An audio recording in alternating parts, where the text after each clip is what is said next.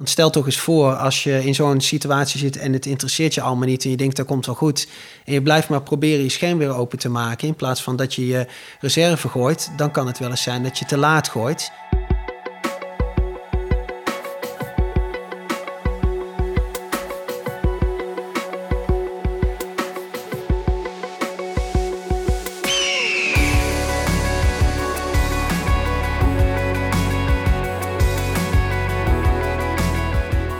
Hi, leuk dat je luistert naar Vliegpraat, de 25e aflevering alweer. Van de podcast over paragliden en alles wat daarbij komt kijken. En dat is dus ook angst. Van paraplasje tot bevriezen in een noodsituatie. Wat is de functie van angst en hoe kun je er bij het vliegen mee omgaan? Bespreek ik met Rob Favier. Vanaf maart 2023 is hij psychiater.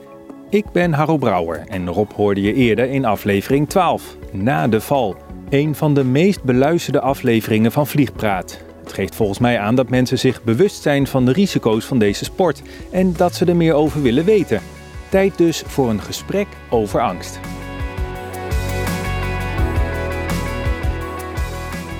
Rob, wil je je nog even voorstellen alsjeblieft? Ja, ik ben uh, Rob Favier en ik uh, woon in Brabant, in het mooie Brabant. En uh, wat ik de vorige keer al vertelde, ik ben arts op dit moment, psychiater in opleiding, onder andere. Uh, daarvoor uh, verschillende dingen gedaan. Spoedeisende hulp gewerkt binnen de chirurgie. En uiteindelijk gekozen voor het mooiste vakgebied, vind ik dan, de psychiatrie. En nou, daar ben ik nu aardig op weg richting psychiater worden. Rob, jij bent, jij bent ook betrokken bij de KNVVL, dat klopt hè? Ja, dat klopt. Ik, sinds een tijdje ben ik daar actief binnen de medische commissie. De commissie is eigenlijk KNVVL breed. En daarnaast zie je dat de verschillende leden met name zich richten op, op één subonderwerp. En ja, dat doe ik natuurlijk het uh. Jij weet erop, ik begin altijd met vijf introductievragen, maar die heb je al beantwoord de vorige keer. Dus vijf nieuwe voor jou. Oei, die had ik uh, niet kunnen voorbereiden. nou, nou bekruipt het mij ineens. Vliegen in Nederland of vliegen in de bergen? Alle twee leuk, maar de bergen is toch nog net wat gaver. Wat is je favoriete vlieggadget? Ja, alles. Ik ben helemaal gek van gadgets. Dus hoe gaan we dat nou weer kiezen? Uh, nou, ik ben wel heel trots op mijn scherm, moet ik zeggen. Daar heb ik heel lang over getwijfeld. Ga ik een tweedehands kopen? Ga ik uh, wat anders? Maar uiteindelijk dacht ik van, ja, luister eens. Uh, ik werk er hard voor. En wil ik dan straks op een paar kilometer hoogte hangen aan een scherm wat ik niet ken? Of ga ik gewoon all the way? Dus ik heb een heel mooi advanced scherm gekocht in rood-wit-blauw. Uh, zoals ze afgelopen jaren in Zwitserland zeiden, de guy with the Dutch flag. En daar ben ik wel heel kek mee. En welke advance is het? De Alpha, ja. Dus daar, ook daar heb ik uh, wel voor veiligheid gekozen. Wat is je favoriete vliegseizoen? Ja, winter heb ik eigenlijk nog nooit gevlogen, althans niet, niet in de bergen. Um, dus mijn, mijn bergervaring is met name in de zomer. Ik moet zeggen dat ik het voorjaar, ja, het, nou laten we zeggen de, de zomer. Want eh, dan eh, het lekker op vakantie zijn en alles eromheen. Landingsbier of landingsijs? IJs. Rob, wanneer hing jij voor het laatst angstig in de lucht? Ja, dat is een goede vraag. Um, ik, moet, ik moet eerlijk toegeven dat ik uh, in het begin me helemaal niet zo bewust was wanneer ik bang was in de lucht. Um, toen ik begon met vliegen, werd ik nog wel snel misselijk. En ik was bang uh, dat, ik, dat ik zo iemand was die heel gevoelig was voor turbulentie en ik weet allemaal niet wat. Opeens werd dat minder, totdat er een keer wat fout ging. En toen merkte ik ineens uh, dat ik weer misselijk werd. En dat dat dus ook mijn manier was om angst bij mezelf te herkennen. Um, en dat wordt wel steeds minder. Hoewel, ik vlieg veel een sterksel en daar mogen we natuurlijk niet zo hoog komen. Dus aan de ene kant wil je thermiek. Maar ik had een, uh, een aantal weken geleden weer hele goede thermiek. En dan denk ik wel, oei, gaan we nog op tijd uh, hoogte verliezen? En dat is dan toch wel weer even spannend. Goed, we gaan het dus hebben over angst bij het vliegen. Als iemand vraagt van hoe was je vlucht en ik heb gewoon echt een kutvlucht gehad, dan zeg ik dat ook gewoon. Nou ja, het is een stukje gezonde spanning voordat je start, is dat. En ik kon de landing niet meer bereiken. Maar als je dan met mensen één op één spreekt, dan, nou, dan komen er toch altijd wel verhalen los. En toch ook wel bekentenissen van dat hun ook wel angst hebben gehad. En... Maar toen zat ik wel even te zweten, die laatste paar minuutjes van de lucht. Nou, ik bleef wel gefocust op zich. Maar ik, ik voelde wel angst. En het is denk ik ook iets wat me tot nu toe nog redelijk uit de problemen heb, eh, heb gehouden. Eigenlijk is je angstig voelen in de lucht als je die momenten ervaart best vervelend, toch? Ik bedoel, je vliegt voor de lol, het is je passie, het is je hobby. Eh, daar moet toch geen angst bij komen kijken, toch? Althans, niet te veel. Ja, dat zou je zeggen, hè? Ehm, kijk, we, kunnen we kunnen een hele aparte podcast over, over het onderwerp angst maken. hè? Zijn we aan het doen nu, hè? Ja, ja, maar dit is maar één aflevering. En daar kun je, hier kun je echt heel lang over praten. Kijk, angst is ehm, iets biologisch, om het zo maar te zeggen. Eh, en heeft ook een functie. Als wij geen angst kenden, ja, dan, dan was je eh, zeg maar in het stenen tijdperk op iedere beer afgelopen om hem te aaien. Dat is, dat is niet goed voor je overlevingskans. Dus angst helpt je om eh, gevaar in te schatten en om daar verstandige keuzes in te maken. Dus angst is iets positiefs.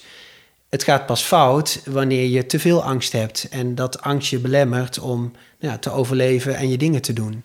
Dus er zijn wel patiënten van mij die eigenlijk uiteindelijk niks meer durven, alleen maar op de bank te blijven zitten. Eh, en zo geldt het voor het vliegen ook.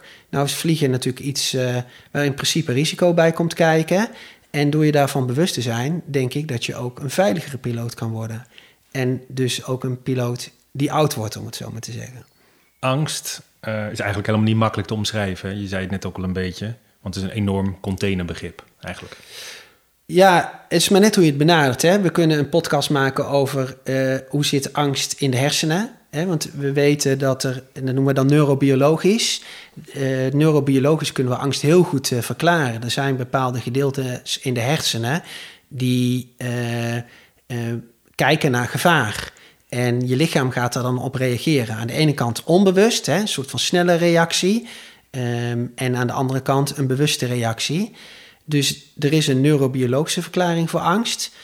En uiteindelijk is het ervaren van angst. En dat, en dat zie je dat, ja, hoewel dat uiteindelijk in de hersenen ontstaat, ook weer voor iedereen heel anders is. En gezonde spanning, valt het ook onder angst?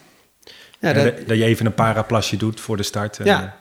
ja, dat zou je eigenlijk zo kunnen zien. Ik, het, het is dus, voor mij is het dus een soort van continuum van zenuwachtig worden tot een panische verlammende angst. En daar zit je, tijdens het vliegen zit je denk ik ergens. Hoe ontstaat het? Wat er dus eigenlijk gebeurt, hè, in je, ehm, je neemt dingen waar hè, met je ogen, eh, met je oren, eh, met ruiken, eh, met ervaringen. Dat komt binnen op je hersenen. Dan zijn er hersenstructuren die, die gaan daar nou ja, een bepaalde, ik zeg maar, een, een, vlaggetje aan doen, gevaarlijk of ongevaarlijk. En daar ga je op reageren. En dat is aan de ene kant een beetje reflexmatig. En aan de andere kant gaat je brein gaat, gaat die angst waarderen. en daar ga je op reageren. En dat is dus heel neurobiologisch, zoals we dat dan noemen. Eh, maar uiteindelijk, als je bang bent, dan ben je niet bewust dat je hersenen wat doen. Maar dan voel je gewoon ineens voel je angstig worden. Of je gaat eh, drie keer naar het toilet van tevoren. Of alles wat daarbij zit. En sommige mensen bevriezen zelfs. Ja, sommige mensen bevriezen al bijvoorbeeld voor een spinnetje, zijn banger voor een spinnetje dan eh, het stopcontact waar het spinnetje overheen loopt, wat misschien in theorie weer veel gevaarlijker is als je je vinger Ja. erin stopt. En dat is ook een interessante, daar is ook naar gekeken. We zien dat ehm, mensen van nature voor bepaalde dingen banger zijn als andere zaken. Ehm, dus angst is ook iets genetisch, om het zo maar te zeggen. En ehm, dat betekent dus dat oude gevaren, zoals spinnen, slangen, dat soort zaken. En misschien zelfs wel het in de lucht zijn, wat mensen natuurlijk eigenlijk normaal een hele gevaarlijke situatie is. Daar zijn we van nature sneller bang voor als iets gevaarlijks als het stopcontact. Want dat zie je. Een kind is bang voor een spinnetje, maar steekt ondertussen wel zijn vingers in eigen wel een levensgevaarlijk stopcontact. Dus dat zit ook in de mens. Goed, je zou eh, misschien denken angst. ehm, ja, dat is iets voor de onervaren piloten, de beginner. Nou ja, niks van dat al, want voor een aflevering sprak ik met de Duitser Simon Winkler. Eh acro-testvlieger, SIF-instructeur, wedstrijdpiloot, de full pool. Een mens eigenlijk, dacht ik van tevoren, gemaakt wel om te vliegen. En toch laat ik je nu alvast een stukje horen van het gesprek met hem. eh, over een moment, hij maakte een cruciale fout waar echt lang last van heeft gehad. Eh, maar nu via een online verbinding in het Engels. Um, once was uh, actually my, my biggest was overconfidence.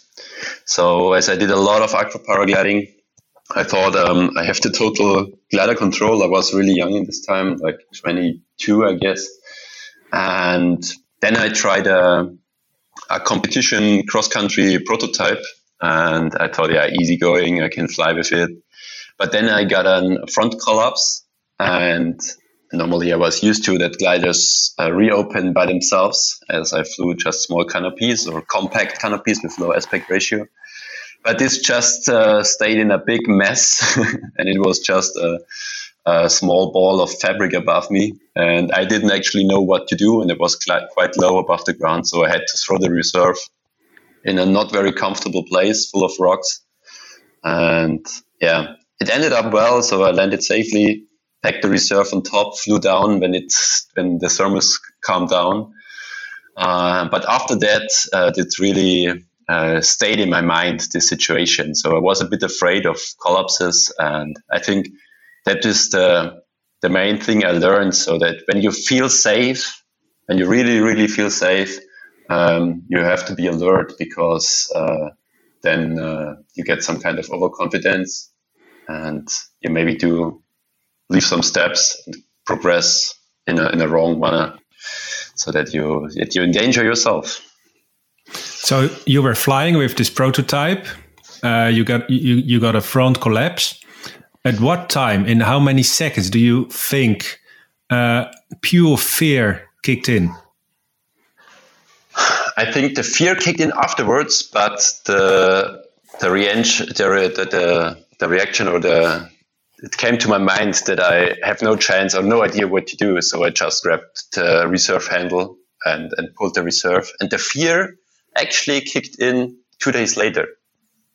So in this moment, I was full of adrenaline. I said, "Oh wow, nice! It ended up safe." But two days later, I think it was like I felt uncomfortable in thermals. So that started where some movements of air really stressed me. And it took a, quite a long time to get this out of my head. How did you get this out of your head?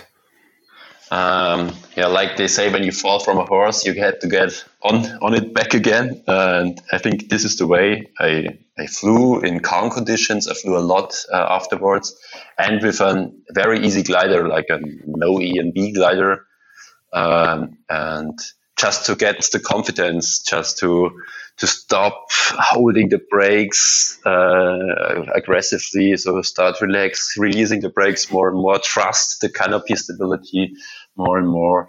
And with this way, I I reached the, the confidence again or the trust into the air and the glider. And later on, I could step on on the normal cross country wings again. How long this did this take? Well, I think it was almost a season. So uh, I guess five to six months it, it took took me because I really was shocked that I can't control the glider anymore. You know, I was always in the mind that I can control everything, and suddenly um, someone told me, no, it's not possible all the time, and this was some kind of uh, yeah, some kind of breakdown in the confidence. Ja, Rob, je hebt uh, meegeluisterd. Reageer eens op zijn verhaal. Ja, hij zegt in korte tijd ontzettend veel, wat me in dit onderwerp dan aan het denken zet. Hij heeft het over de tijd voor, uh, voor de gevaarlijke situatie, hè, waar hij van zegt van ja, ik voelde totaal geen angst meer, ik was in volledige controle. Um, aan elk scherm. Aan elk, scherm, hè. Dus, dus um, ja, misschien uh, had hij te weinig angst om nog gevaar te zien. Uh, vervolgens heeft hij het over, over die situatie waarin hij um, indirect levensgevaar was en wat ging doen. En daar heeft hij het eigenlijk weinig over angst. En daar denk ik, um, is, is angst juist wat er heel erg speelde. Want stel toch eens voor, als je in zo'n situatie zit en het interesseert je allemaal niet en je denkt dat komt wel goed. En je blijft maar proberen je scherm weer open te maken in plaats van dat je je reserve gooit. Dan kan het wel eens zijn dat je te laat gooit. Dus het zou goed kunnen zijn dat deze situatie eigenlijk de angst hielp om um, om, om een, goede, een goede veilige beslissing te maken. En vervolgens de, de situatie daarna. Hè, dat is een wat, wat langer proces waarin je bewuste processen gaat nadenken. En daar legt hij dan heel erg de focus op. En die begrijp ik ook wel, want dat blijft hem bij. Uh, maar je ziet dus dat, dat het onderwerp angst op verschillende momenten in dit verhaal een, een, eh, iets anders deed en een andere impact maakte. En dat, dat maakt het zo interessant. Ja, wat, wat betekent tijdens mijn vliegen? Eh, hoe ga ik om met, met, met situaties die ik meemaak, die angstig zijn of die plezierig zijn? En hoe gebruik ik dat om een veilige piloot te blijven? En dat gaat dan door mijn hoofd als ik dat verhaal hoor. Wat mij ook heel erg bijbleef bij zijn verhaal is... hem overkomt dus iets en vervolgens vliegt hij bijna een seizoen lang... aan A-klasse schermen en lage B'ers... om dat vertrouwen weer terug te krijgen. Ja, en ik denk dan, dat snap ik wel. Hè, dat, eh, dat je ineens weer wordt geconfronteerd met wat er kan gebeuren. En dat je dan eh, toch ook weer een stap terug maakt. En dat lees je trouwens en, en hoor je van veel meer piloten, ook hele ervaren piloten, die na een ongeval eh, toch wel weer terug worden gezet. En weer langzaamaan hun vertrouwen in hunzelf en hun materiaal moeten opbouwen. Dus ik, ik hoor daarin een indrukwekkend verhaal, maar eigenlijk ook wel een heel logisch verhaal. Angst is eh, door, de, door de evolutie nodig gebleken om te kunnen overleven. Als je geen angst hebt, dan, eh, dan, dan leef je niet lang. Dat helpt ons in onze sport. Ja. Eh, aan de andere kant zijn er ook piloten... en ik ken, ik herken het soms ook wel bij mezelf... dat je misschien te angstig bent voor de situatie. Dat het je zelfs een beetje belemmert... terwijl het misschien helemaal niet nodig is. Hoe zou je daarmee om moeten gaan?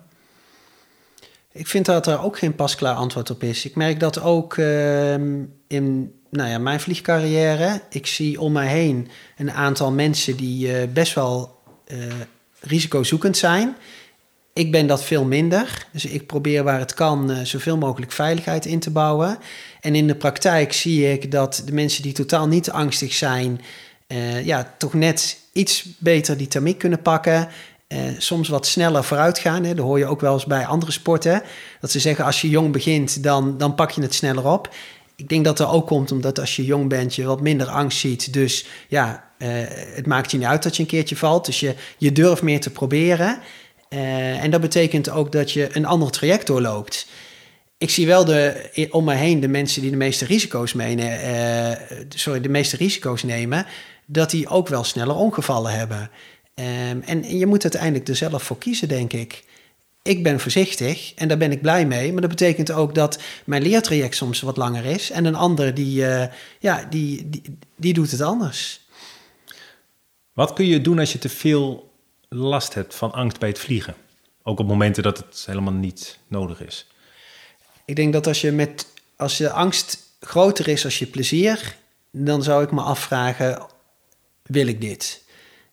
Ehm, het is wel zo dat als mensen angsten ontwikkelen, er wel allerlei technieken zijn om met angsten om te gaan. Bijvoorbeeld door, eh, door jezelf uit te dagen. eh, van ja, luister eens, ik ga dit doen. Hè, en is de angst die ik heb, is die reëel? Dat doen we bij mensen met angststoornissen. Dan gaan we, dan gaan we kritisch kijken naar van die angsten die ze hebben. Zijn die reëel zijn die niet reëel? En dat noemen we dan uitdagen. En dus, dus daar zijn allerlei technieken voor. Ehm, dus die, die zou je kunnen doen. Sterker, hè, ik, ik, ik herken ook wel angst bij het vliegen. Eh, dus ik zit ook wel eens na te denken van ja, hè, als ik naar, naar het vliegterrein toe rijd, van dan hoop ik toch niet dat er vandaag iets gebeurt. En dan ga ik denken, ja, hoe reëel is dat nou? En wat kan ik doen om dat minder te maken? Ehm, dus die technieken die zijn er. En ik kan me ook wel voorstellen dat als je het vliegen echt heel graag doet en je merkt dat de angst gaat overheersen, dat je daar hulp bij zoekt eh, om, eh, om daar wat meer mee om te kunnen leren gaan. Dus angst is goed, tenzij het zoveel wordt dat het je gaat beperken. Maar je, je hebt er technieken voor, zeg je. Ja, Kun je er ehm, eh, specifiek voor de paragliderpiloot, kun je er een paar benoemen? Wat helpt? Nou, één daarvan heb ik genoemd, hè? en dat, dat komt vanuit de cognitieve gedragstherapie. Dat je ehm, gaat nadenken over, eh, over je angsten en hoe, hoe reëel die zijn. Ehm, hè, dus als jij gaat vliegen en je bent ervan overtuigd dat je eh, dood neer zou vallen, hè, dan, dan kun je wel gaan kijken van nou ja, hoe, hoe vaak gebeuren ongelukken? Is dat dan reëel? Ehm, hoe groot is die kans? En dat, dat helpt je om het een en ander in perspectief te zetten. Dat zou zo'n techniek eh, kunnen zijn die, je, eh, die je kan doen. Ik denk wel dat als je daar heel weinig ervaring in hebt, dat het, dat, dat ook wel technieken zijn wat fijn is om daar iemand bij te hebben die je daar goed in kan begeleiden. Het gevaar is namelijk aan de andere kant dat je ehm, reëel gevaar eh, weg gaat beredeneren. En dan is het natuurlijk niet meer goed. Dus kijk maar naar ehm, nou, bijvoorbeeld basejumpers. Die hebben een vrij hoog overlijdingsrisico.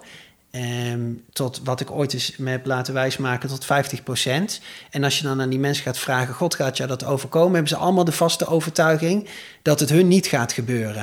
En dat hoor je overigens bij andere risicogroepen ook wel eens. En dat is dan niet meer reëel. Dus je kan ook je angst tot op het irreële uh, wegberedeneren. En dat is niet verstandig. Uh, dus je moet, ik, ik vind, je moet een soort van balans vinden in irreële uh, angsten om die weer reëel te krijgen zonder dat je daar te veel risico's gaat lopen. Oké, dus stel je vliegt, uh, ineens kom je in een turbulent gebied. Het scherm duikt alle kanten op. Dat kan een angstig moment zijn. Je gaat op dat moment beredeneren: oké, wat is hier aan de hand? Uh, ik kan dit, ik weet hoe ik actief moet vliegen. Dat heb je geleerd. Mm -hmm. um, is dat dan een manier om. Uh, ja, nee. Ik denk alleen wat ik al zei, hè, de angst um, heeft eigenlijk twee, twee wegen. En dat is de, de snelle weg, een soort van reflex. Um, en uh, net als bij uh, als je een hete pan pakt, je hebt je hand al teruggetrokken voordat je het jezelf beseft. En dan ga je ineens denken, oeh, dat deed pijn. En zo is met angst ook een beetje. Dus er is een hele snelle reflexmatige weg en een andere weg en die gaat meer bewust. En die loopt echt ook anders over de hersenen. Ik kan me voorstellen dat als je eenmaal in die situatie zit, uh, zeker in dat alleracute moment, wat je bijvoorbeeld deze piloot hoorde, die gaat, die gaat eigenlijk op zijn reflex. Uh, en dat is dat soort reflexmatige angstreacties zijn veel moeilijker aan te pakken met het beredeneren en zo op dat moment. Dat is denk ik meer iets voor op het rustige moment. Merk ik aan mezelf ook. Als ik in een hele grote stressreactie kom, dan uh, ga ik gewoon handelen en doen. En eigenlijk mijn emoties, die, nou, die druk ik dan weg. Dat gaat helemaal automatisch. Uh, en die komt later wel. En daar hadden we het in de vorige podcast ook over. Hè? Uh, waar heel mooi werd gezegd, op, op het moment zelf, als dat zo fout gaat, dan ga ik gewoon handelen en doen. En dan ben ik bezig. En pas later, uh, ook deze piloot zei dat, dan, dan besef ik me pas wat dat met mij heeft gedaan. Dus, um, dus in de lucht, denk ik, heb je eigenlijk weinig tijd om rustig bij jezelf stil te staan en te denken: ah, weet je, hij is nou aan het inklappen en ik ben nu naar beneden aan het vallen en ik heb mijn reserve nog, dat komt allemaal wel goed. Die tijd die heb je niet. Uh, dus die technieken die vind ik zelf meer geschikt uh, voor het vliegen en om jezelf rustig de lucht in te krijgen. Ik heb zelf wel eens een keer als, als hulpinstructeur meegemaakt dat ik iemand aan het begeleiden was. Rustige condities. in Limburg was dat. En uh, op het moment dat ik zei van nou maak maar een, uh, een, een, een 90 graden linkerbocht. Dat was richting de final. Allemaal, had ze al eerder gedaan, was allemaal goed gegaan. En zij vloog rechtdoor, rechtdoor. En ik nou, op alle mogelijke manieren nog probeer contact te krijgen. En ze vloog zo de boom in. Nou, niks aan de hand, scherm heel, zij heel. en toen vroeg ik, wat was er nou gebeurd? Zij zei, nou, ik verstijfde gewoon. Is ook een reactie. Ja. Verstijven. Ja. Ja, dat, dat zeggen ze wel eens het fight, flight of freeze, hè. Als, als mensen in een, in een gevaarlijke situatie komt, dan uh, gaat de ene gaat vechten en de ander bevriest. En je ziet ook wel dat hoe, hoe hoger de, de angst en de stress wordt, hoe sneller iemand in die, in die bevriesreactie kom, komt. Uh, maar dat, dat kan dus zijn dat je bij een hele gevaarlijke situatie gewoon doodstil blijft doen. Nou ja, laten we eerlijk zijn als er een, een beer achter je aan zit, dan is soms bevriezen het meest verstandige wat je kan doen. Dus ook dat is natuurlijk ja, iets wat in de mens zit. Is het een, een oerding? Ja, zo zie ik dat wel. Uh, en, en ook, je ziet ook weer verschil uh, bij verschillende mensen. Uh, de ene gaat handelen en gaat vechten en de ander die bevriest wat meer. Ehm, nu is dat bevriezen misschien in sommige situaties bij die beer misschien handig. Maar in de lucht denk ik niet. Uh, nee. kun, je daar, uh, kun je daar zelf uitkomen?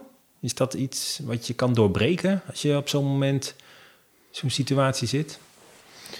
Ja, goede vraag. Of je dat zelf kan doorbreken, de, dat vind ik een lastige. Ik, ik, de patiënten die ik zie die echt bevriezen, die, uh, die komen daar vaak pas uit op het moment dat er weer rust is. Ik heb wel ook op het vliegterrein wel meegemaakt dat uh, een, de instructeur zeg maar, kon helpen om de ander weer eventjes bij de les te krijgen. Lukte mij in dit geval niet, wat ik net Nee, beschreef. nee, maar dat is ook, hè. Soms dan is iemand te bevroren om hem eruit te krijgen. Ehm, dus dat zal niet altijd lukken. Maar, kan, maar, maar, maar zelf daaruit komen, de, de meeste mensen ontdooien pas weer op het moment dat het gevaar weg is. Oké, dus dat is een lastige. Ja, ja. Ja, ik denk dat het handiger is. En ook, ik heb ook wel situaties meegemaakt dat ik later bij was dat ik mijn gevoel even weg kon drukken. ehm, en gewoon heel hard kon handelen. Terwijl het gevoel wegdrukken soms heel onverstandig is. Dat zien we natuurlijk ook wel bij mensen die eh, ehm, nou, bijvoorbeeld eh, posttraumatische stressstoornis of wat dan ook krijgen. Die, die zijn altijd hun gevoelens en hun stress aan het wegdrukken. En als je dat maar lang genoeg doet, dan pleeg je ook roofbouw. Dus wa- wat, wat gezond is, verschilt denk ik ook per, eh, per moment. Maar voor het vliegen is zeker zo eh, beter dat je gaat vechten als dat je bevriest. En vechten is een... Dan kom je dus in een soort modus waarbij je gewoon heel actief handelt. Nou, is en dat, dat- vecht, is dat ja, het vechten? en dat is natuurlijk wat deze piloot ook eigenlijk vertelt. Hè. Hij komt in zo'n situatie, hij gaat heel snel denken, die adrenaline giert door jouw lichaam.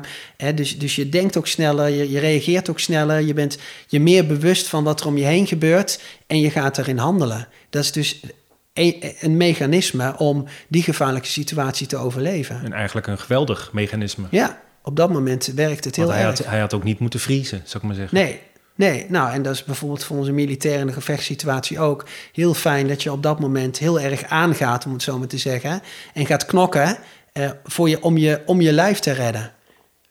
Ja. Fight, flight en freeze, noem je dat Ja. zo? Ja. En, en flight, wat is dan... oh, Je, je moet fighten om weer in de flight Nou, te dus de komen. ene gaat naar het gevaar toe en de ander vlucht er van weg. Dus daar heb je ook verschillen in. Eh, en, en een derde die bevriest. Oké, en als je dat dan projecteert op vliegen... Dus we hebben het bevriezen hebben we gehad, we hebben het vechten gehad. En wat was dan die derde? Ja, het vluchten. Ja, is dan Ja. misschien wat lastiger te projecteren op het vliegen. Ja. Want je zit er dan op dat moment in. Hoe vlucht je dan? Ja, dat, ja, dat gaat niet. Of misschien is vluchten ook gewoon heel snel handelen en uit de situatie eh, weggaan. Ja. Misschien moeten we het zo maar zien dat je de ene gaat dus heel hard werken en doen. En of je dan naar het gevaar toe rent of er vanaf. eh, En de ander bevriest gewoon en die kan niet meer handelen. Ja. En dan waar je wat aan kunt hebben als piloot. Ja, ik bedoel, sowieso een interessante eh, aflevering dit, waar we het nu over hebben. Maar als luisteraar, je gaat hierover nadenken. eh, hoe zit dit bij mij? Ja, Hoe kan ik dit omzetten in iets waar ik wat aan heb? Want angst is nuttig, zeg je ook. Hè? Dus je hebt het absoluut nodig. ik denk dat, ehm, dat angst gewoon een wezenlijk onderdeel is van het vliegen. En het gaat je dus ook helpen om, eh, om veilig te blijven. En denk je dus over na hoe het bij jou werkt? Voor mij wel. Maar goed, dat past natuurlijk ook in mijn vakgebied. Een van de dingen die je binnen de psychiatrie moet leren, is dat je jezelf heel goed kent. En hoe beter je jezelf kent, hoe beter je dat in kan zetten. En eh, het, het onderdeel angst en hoe ga ik om met stress. Zeker in het vliegen helpt mij eh, om, denk ik, beter te kunnen vliegen. Of in ieder geval zoals ik dat wil. En dat is aan de veilige kant. Ehm, en daar ook tevreden mee zijn. Maar het helpt mij ook gewoon in mijn dagelijkse werk. Ik neem het vliegen neem ik heel erg mee. Ook in mijn werk in de psychiatrie.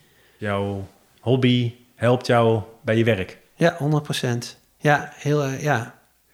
Nou, wat bijvoorbeeld eh, mij hielp, ik heb een vakgebied waarin je een hele grote verantwoordelijkheid hebt. Ehm, dat betekent dus dat nou, eh, je maakt grote beslissingen eh, en die kunnen soms hele grote consequenties hebben. In mijn werk zijn die consequenties heel veel ook, natuurlijk ook voor mezelf. Hè. Het is echt vreselijk als er iets niet goed gaat en de, de eh, patiënt lijdt daaronder. Maar ik besef me aan de andere kant ook dat ehm, nou, soms de, het effect op de patiënt nog groter is als, dan op mij. Ehm, en het vliegen, da- dat doe je zelf. Hè. Heb je letterlijk de touwtjes in handen. En als je fouten maakt, heb jij er de consequentie van. Dus het heeft mij veel meer geleerd van hoe ga ik om met hoe ik in mijn vel zit. eh, hoe, eh, eh, hoe, hoe zeker ik ben van dingen. Ik denk wel eens, als ik zeg maar in, in een dienst van alles moet doen, van god, zou ik nu nog gaan vliegen? En dat helpt mij dan ook om, om daarin andere beslissingen in mijn werk te maken. Dus het, het onderdeel van een grote verantwoordelijkheid hebben voor jezelf van ander, dat, dat, raakt er heel erg aan. En ik leer dus over en weer vanuit mijn werk eh, om, denk ik, verstandiger en betere keuzes te maken in het vliegen. En het vliegen helpt mij om dat terug te doen ook naar mijn werk. Want het gaat alle twee ergens over. We hebben, ik heb echt de mooiste baan van de wereld. Zoals ik een super mooie hobby heb. Ehm, maar fouten kunnen in potentie hele grote consequenties hebben. En ik vind het belangrijk om daar stil bij te staan. Ik ben er even stil van. Super leerzaam. Heb je tot slot Rob nog een, nuttige tip als we het hebben over dit onderwerp? Angst. Nou, dat is eigenlijk wat wij nu doen. Ehm, ben je ervan bewust dat het een onderdeel is eh, van, eh, van de sport? Eh, angst is niet altijd leuk, maar aan de andere kant, angst is ook best wel hè, de adrenaline en alles wat vrijkomt verslavend. En dus het maakt ook de sport wel weer zo mooi. Eh, maar al met al, doen alsof het er niet is, wat, wat ik soms toch ook wel zie, dat gaat je niet helpen. Eh, ben er je ervan bewust, praat er met andere mensen over eh, en gebruik het ook om eh, die angst als voorbeeld te gebruiken. Zoals waar het voor bedoeld is, zorg dat die angst je helpt om de sport beter te overleven. En zodra het te veel wordt, ehm, ben dan ook op tijd erbij en vraag gewoon hulp. Want er zijn fantastisch mooie programma's eh, om over eh, je angst heen te komen of over die nare gebeurtenis. Ehm, want het is toch zonde als je daardoor een hele mooie hobby moet verliezen. Dankjewel weer. Graag gedaan.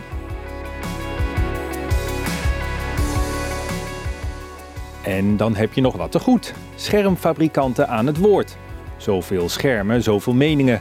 In deze rubriek hoor je de producenten. Ze krijgen van mij allemaal dezelfde vragen. En je gaat zo luisteren naar Nibiuk en Yupi. Hello, thank you very much for, for this interview. Uh, my name is uh, Mireia, and I am the expo manager for Nibuk.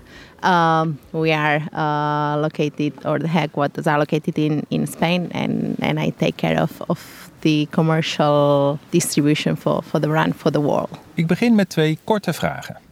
Sinds wanneer bestaan jullie? Uh, well, it's been now uh, 16, 16 years ago that uh, Nibuk was, was founded. Paragliding kent inmiddels verschillende disciplines. Wat voor soorten schermen maken jullie? Well, uh, we produce all all wings that cover all paragliding uh, modalities, uh, from the schooling wings uh, to progression, cross country, uh, mini wings, uh, hike and fly. And also paramotoring, um, freestyle, acro. so I think we, we cover pretty much everything. Oké, dit waren de korte vragen. Laten we beginnen. Welke doelgroep hebben jullie in gedachten? Um, well, this uh, varies uh, depending on the on the wing we develop at, at the moment.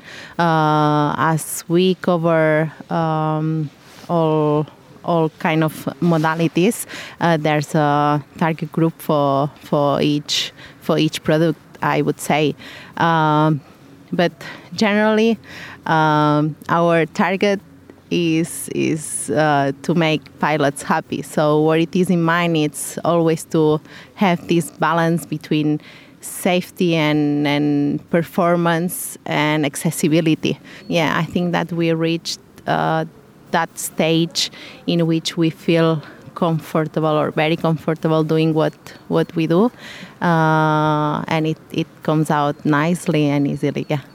Wat is jullie filosofie als het gaat om het maken van paragliders? uh, when developing any any product, there's of course the the technology. Uh, being on the leading edge is a primary thing for for us. Uh, the company uh, is investing and has invested and will invest a lot in in the R and D uh, team. Uh, so technology is one of our main focus. Uh, and then it comes to, to the balance between safety, performance, and accessibility. And I think those are the, the main pillars of, of Nibuk brand. Hoe delen jullie schermen in binnen een klasse? I think um, the way we do this is, um, as, as you asked before, targeting first the pilot. No, for whom are we making um, this wing? It is for, let's say, if we are in the B category, it's for a pilot that just uh, is starting and needs needs to progress. So, for instance, we have um, medium B, let's say, our hook, uh, or is it for someone that is already uh, progression and and closer to jump uh, to the sea level? So then we do something a bit more hot, let's say, so a a B plus, and that's why we we actually started with the plus uh, concept. So when we launched the Ecuma, um, we thought, well, th- this is the B, but it's uh, you know in, in, the, in, the, higher end of the range, so we'll call it B plus, so it is easier to identify well, I mean, we can we could go on and on and on and have a B minus and a B middle and a B plus, but we think that, uh, for instance, in in the B level with those uh, two categories is is enough to cover all the all the B pilots. Houden jullie ook rekening met lieren? Uh, yes, we do actually. Cer certification does. Uh, yeah, so yeah, it's it's uh, taken into account for all wings. Wat zien jullie als belangrijkste toekomstige ontwikkeling? well, this is this is very difficult to say.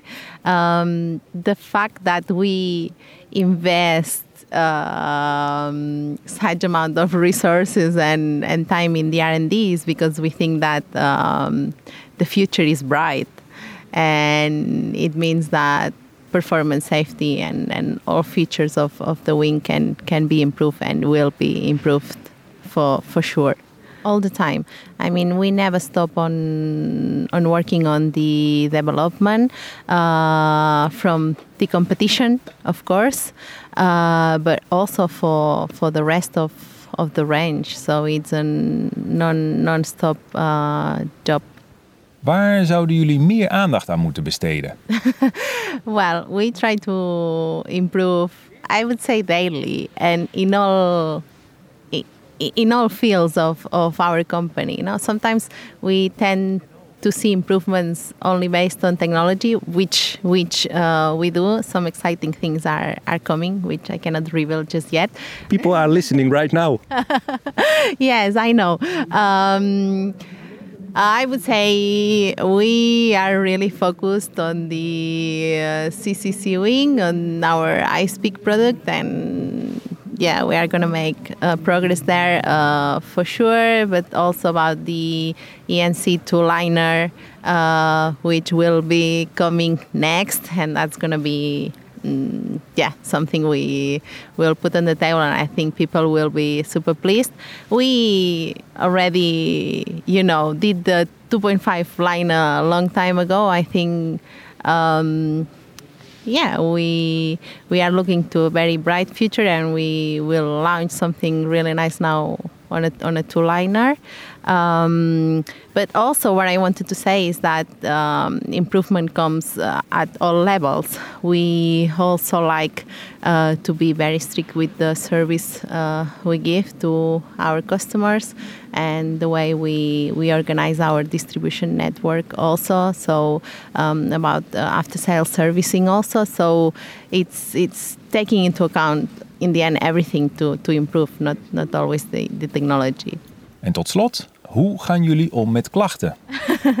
uh, well, in the on, I mean honestly and and being as accurate as as we can. I mean, in the end, this is um, the, the, the manufacturing process. Uh, there's part of it which is automated and another part of it which is uh, like um, manually done, I would say. Uh, and we all know that what involves people um, involves uh, errors somehow. So, um, yeah, I mean, um, we get in all the inputs actually, and they are all worth to to hear. Uh, we definitely hear all. We answer all the queries we have. Either they are complaints or just general feedback um, or positive uh, feedback. Wherever the, wherever it comes, it's it's uh, welcome because it helps us improve also. So, um, yeah. Dat was het gesprek met Nibiuk. Meteen door naar UP. Hello, my name is Daniel. I am from UP, and at UP, I'm doing the international sales and part of the marketing. And UP is from Germany. Hi, my name is David, and I'm the sales manager for Germany and Austria and Switzerland. Ik begin met twee korte vragen. Sinds wanneer bestaan jullie? Our brand is actually a good question uh, because this year is our 50th anniversary. So we are from 1972. And of course, it not started with paragliding because at this time paragliding was not existing. So it comes, it, it is from hang gliding, the origin. And yeah, this is how it uh, developed from hang gliding. There comes paragliding part. Somehow, uh, more than 35 years ago. And yeah, it's, it's great. We're probably the oldest brand on the market, and this is the 50 years now. Paragliding kent inmiddels verschillende disciplines. Wat voor soorten schermen maken jullie? I can fly paraglide on normal wings, school wings, acrobatic wings, performing and competition wings. All what you can think about, maybe we have now. We have 14 different models. Dit was de introductie. Hier komen de vragen. Welke doelgroep hebben jullie in gedachten? I think every kind of pilot. While uh, having 14 different wings, it is more or less hard to say the target group. The target group is mainly about all the paragliders, maybe not the speed wing category, but all the others. And we are trying and doing our best to being an expert on all the categories, and therefore we have a big audience, of course. Yeah. We try to to reach as much uh, pilots as, as we can. Wat is jullie filosofie als het gaat om het maken van paragliders? When it comes to building paragliders, for us it's very important the experience part. So when you fly the UP wing, wing you will uh, very fast experience the unique handling. Um, it is very sportive. Our wings are, I would say, a little bit more sporty than other wings on the paragliding market. But also on the wings, uh, of course, we are always uh, improving. So even though when sometimes we're not releasing a new wing, we still improve it. And the best example is our new HBR riser. We are implementing for all the Kangris, Summit, and the Trango. And this is just a new riser design with uh, basically it's the same measurements like the old one, so you can just switch by asking your partner or dealer. Um, but it will get a lot of more improvement because the C steering now is working much more fluently by connecting the B and the C riser with a constant roll, and so it's much nicer. And we do not. This is also part of our philosophy: not wait always for a new model. Doesn't bring a new model all the time, but simply if something is good, bring it. And so we are now enabling our customers to just update their wing and have it really better performing during just a simple change of a riser. Hoe delen jullie schermen in binnen een klasse? Actually, we have currently we have uh, last year we had three ENA wings, or even more when you call also the light wings uh, as an ENA. We have like not a special category within the A category, but when it's on the very upside on the category, almost behaving and flying, performing like a B wing, we call it plus. And this is the Dana, it's an ENA plus wing. Even though a lot of schools use it for their teaching part, and especially for talented people and pilots. So, so at the high end of a class, it, it, it gets a plus. It gets a plus, exactly. When it's really above, we have other examples in the B category and doesn't mention doesn't we, we don't mention it in the C category because it's anyway it's it's only for pilots who are really uh, experienced. But with the plus, we want, of course, not to give to any real beginner or somebody who is really safety driven, and this is the main focus. The plus should suggest that okay, hey, here I'm almost flying a B wing. It's something on the on the edge, yeah. Houden jullie ook rekening met lieren? Yeah, the most of our gliders are also um, for winching. Yes, the most probably. All, yes, I think all, yes. all of them are. And we have a lot of winching in, in different countries, not here where we are based, not in, uh, not a lot in Germany, but through Berlin and so they do some winching as well. But we have Estonian customer. We are big in Estonia as well, and uh, it's great. Winching, they do a lot, and it's very good. It works perfect. Wat zien jullie als belangrijkste toekomstige ontwikkeling? It's a good question. An important future development. Give me some Uh, second. The two liner category becomes more and more comes more and more in the focus, I think. So now we are starting to build, or the, the complete market is starting to build um, wings in the sport class, in the C class, with uh, two liner technology. And uh, we think this could be the future, yes. It's good that a lot of brands started working on it, as it's always been the the high and the competition wings which bring new development and new really good stuff into the whole market. And since we are having our two liners again, we had a break because we were not successfully having a good one. But since some years now, we're having uh, two two liners, and already we gained a lot of experience again, which comes and plays a role in the E and B class as well. And even I would say on the high E and E, cl- E and A class, on the, on the Dana, we have like the same entry in the profile. So it is really important. It is really important development, even though it's very expens- expensive. Um, it makes perfect sense, and uh, yeah, I think there lies a lot of opportunities, which in the end results in something good for the whole classes, for all of them. Waar zouden jullie meer aandacht aan moeten besteden? Yes, uh, actually, we are always. This is. You don't have to own a company or, or work in a company if, if it's not the highest goal to improve all the time.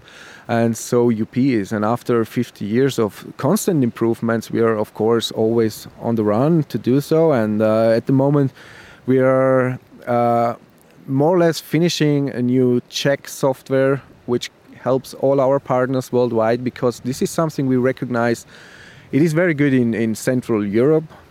It is also good in some parts and some countries, but it's nothing uh, really good for all the markets, and especially smaller markets. They offer suffer, often suffer from not much of experience concerning the check part. And by checking, mean a wing is great when you get it, but you should regularly first of all, you should take care of it by yourself, but regularly you should go and, and give it a good trim. Especially when talking about two liners, but also two liner hybrid, three liners, we get less and less lines, and so it's more and more important to look after it. And so we are currently having a new check software giving out to our partners within the next month. Uh, this is a great improvement. I was really, since a long time, we're looking forward to this. It's a lot of work, of course. En tot slot, hoe gaan jullie om met klachten? We don't have them. Simply not true. Of course, everybody has complaints.